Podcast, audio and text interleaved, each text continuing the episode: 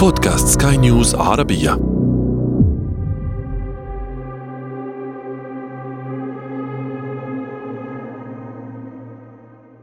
في أكتوبر 2022 قال معهد دراسة الحرب الأمريكي في واشنطن إن الرئيس الروسي فلاديمير بوتين يعول على حليف وفي في تحقيق ما فشلت فيه قواته في أوكرانيا حتى الآن. قال المعهد إن بوتين يراهن على فصل الشتاء الذي طالما وقف بجوار روسيا في حروبها ضد الإمبراطوريات الأخرى على مدار التاريخ.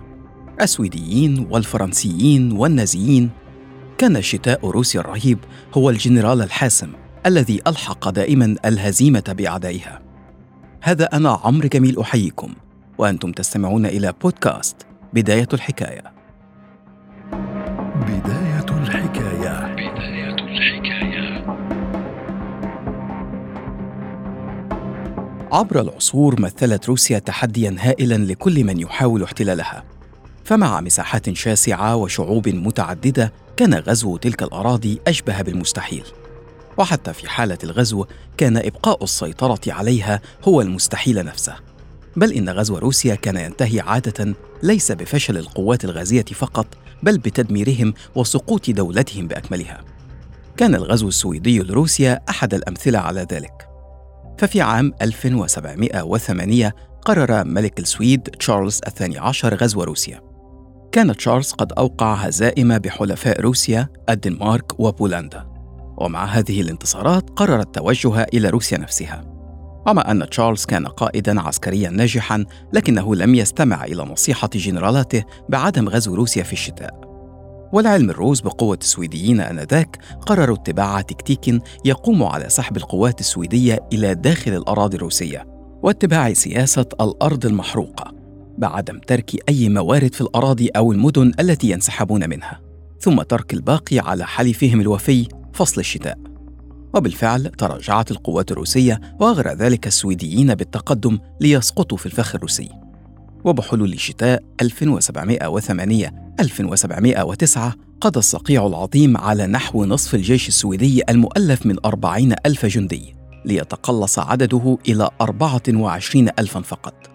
ثم لما حاول السويديون الحصول على مؤن لمواجهة الشتاء القارس كان الروس قد أحرقوا كل المحاصيل التي تركوها وراءهم. ثم انقضوا عليهم ليستسلم 19 ألف سويدي ويضطر الملك السويدي إلى الفرار مع نحو 500 جندي فقط من رجاله باتجاه تركيا عدوة روسيا ليحتمي بها من الروس. وفي عام 1812 وفي خضم الحروب النابليونية قرر نابليون بونابرت غزو روسيا لضمها إلى إمبراطوريته التي شملت فرنسا وإيطاليا وأجزاء من ألمانيا والنمسا وبلجيكا. كانت عدوة فرنسا الأكبر هي بريطانيا تتمتع بقوة بحرية. لم يستطع نابليون مجاراتها فقرر فرض حصار بحري عليها ومنع الدول الأوروبية الأخرى من التعامل معها وإغلاق الموانئ الأوروبية أمام تجارتها واستنادا إلى قوته أجبر نابليون القيصر الروسي ألكسندر الأول على التوقيع على اتفاق مع فرنسا لحصار بريطانيا التي كانت آنذاك الشريكة الاقتصادية الأكبر لروسيا. ومع خسارة التبادل التجاري تعرض الاقتصاد الروسي لضربة موجعة وارتفع التضخم. فتراجع القيصر عن قراره خاصة مع نظرته إلى نابليون على أنه مجرد عسكري هدد عروش ملوك ونبلاء أوروبا كما رفض طلب نابليون بالزواج من شقيقته كاترينا. وهكذا بحلول عام 1812 حشد نابليون 600 ألف جندي لغزو روسيا. وكالعادة لجأ الروس إلى تكتيكهم المفضل التراجع وإغراء المهاجمين بالتقدم في المساحات الشاسعة وعدم المشاركة في أي معركة كبيرة مقابل اللجوء إلى حروب استنزاف صغيرة مع استخدام سياسة الأرض المحروقة وترك الباقي على حليفهم الأبيض فصل الشتاء. وكالعادة أيضا وقع نابليون في الفخ. حقق انتصارات مهمة في البداية ووصل إلى موسكو لكنه فشل في إبقاء السيطرة عليها واضطر إلى الانسحاب.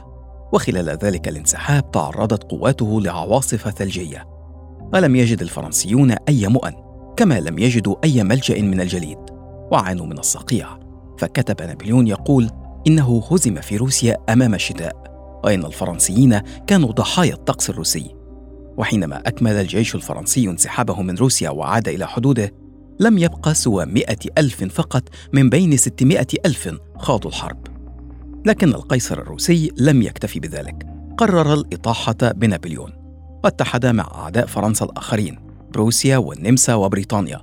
وخاضوا معا معركة شهيرة تسمى بمعركة الأمم في أكتوبر 1813 لقي فيها الجيش الفرنسي هزيمة ساحقة واضطر نابليون للانسحاب من لايبزيغ الألمانية التي شهدت الحرب والعودة سريعا إلى فرنسا للدفاع عن باريس.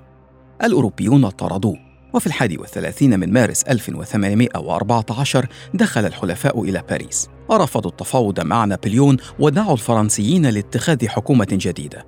وبحلول الثاني من أبريل من نفس العام أعلن مجلس الشيوخ الفرنسي خلع نابليون عن الحكم. قهر شتاء روسيا نابليون وحوله من مهاجم يرغب في ضم روسيا إلى أملاكه وفرض هيمنته على القارة الأوروبية بأكملها إلى قائد مهزوم سقطت عاصمته أمام أعدائها. أما آخر أعداء روسيا التي دمرهم الشتاء فكانت ألمانيا النازية. فخلال أحداث الحرب العالمية الثانية وتحديدا في صيف عام 1941 أطلق الزعيم النازي أدولف هتلر عملية برباروسا وهي أكبر عملية غزو عرفها التاريخ والهدف كان احتلال روسيا. ومع انطلاق العمليات في فصل الصيف حققت الجيوش النازية انتصارات متتالية وتمكنت من السيطرة على معظم أراضي ما يعرف حاليا بأوكرانيا وبيلاروسيا. ثم قرر هتلر توجيه قواته صوب ستالينغراد يقال إن هتلر كان يكره الروس بقدر كراهيته لليهود وربما أكثر ويعتبر الجنس السلافي عرقا بغيضا فضلا عن كراهيته الشديدة للشيوعية وكانت خطة الألمان تقضيب احتلال موسكو والتخلص من سكانها بقتلهم أو ترحيلهم وتسوية العاصمة السوفيتية بالأرض وتحويلها لبحيرة مائية كبيرة. لكن هتلر رفض الاستماع إلى جنرالاته بغزو موسكو وقرر توجيه قواته صوب ستالينغراد كما ذكرت. أراد هتلر فصل القسم الأوروبي من الاتحاد السوفيتي عن قسمه الآسيوي والسيطرة على حقول البترول ومراكز الصناعة بالمدينة بالإضافة إلى تحقيق فوز معنوي كبير بالاستيلاء على المدينة التي تحمل اسم ستالين زعيم الاتحاد السوفيتي آنذاك وكانت كل الحسابات الألمانية والمعطيات على الأرض تشير إلى تفوق ألماني حاسم باستثناء عامل لم يضعه الألمان في الحسبان وهو الشتاء الروسي. فمع دخول فصل الشتاء توقفت الانتصارات الألمانية الحاسمة خاصة مع استخدام الروس أسلوب حرب الشوارع. ثم مع سقوط الثلوج أبطأ ذلك المركبات والدبابات النازية. وحينما انخفضت درجة الحرارة إلى ما دون الثلاثين تحت الصفر تجمد الجنود والمدرعات الألمانية. وفشل هتلر في الحفاظ على خطوط إمداد لقواته.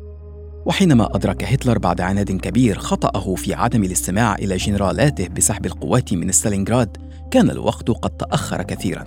وبدأ السوفيت في هجومهم المضاد ليواجهوا الجيش السادس الألماني منهكا خائر القوى. بشكل دفع قائده الجنرال فريدريش باولوس للاستسلام بعد يوم واحد فقط من قرار هتلر بترقيته إلى رتبة مارشال في محاولة لثنيه عن الاستسلام. انتهت معركة ستالينغراد الرهيبة بخسارة الألمان لسبعمائة ألف جندي وأسر مائة ألف آخرين لم ينجو منهم سوى ستة عشر ألفا فقط بعد نهاية الحرب. كانت تلك المعركة بداية النهاية لهتلر حيث شن السوفيت هجوما من الشرق والحلفاء هجوما من الغرب افضى في النهاية إلى سقوط برلين وسقوط ألمانيا النازية. يراهن الروس على حلفهم الوثيق الشتاء بعدما استندوا إليه في معاركهم عبر التاريخ لهزيمة أعدائهم. وهم يرغبون هذه المرة أيضا في إضافة أوكرانيا إلى قائمة ضحاياهم الذين دمرهم شتاء روسيا الرهيب.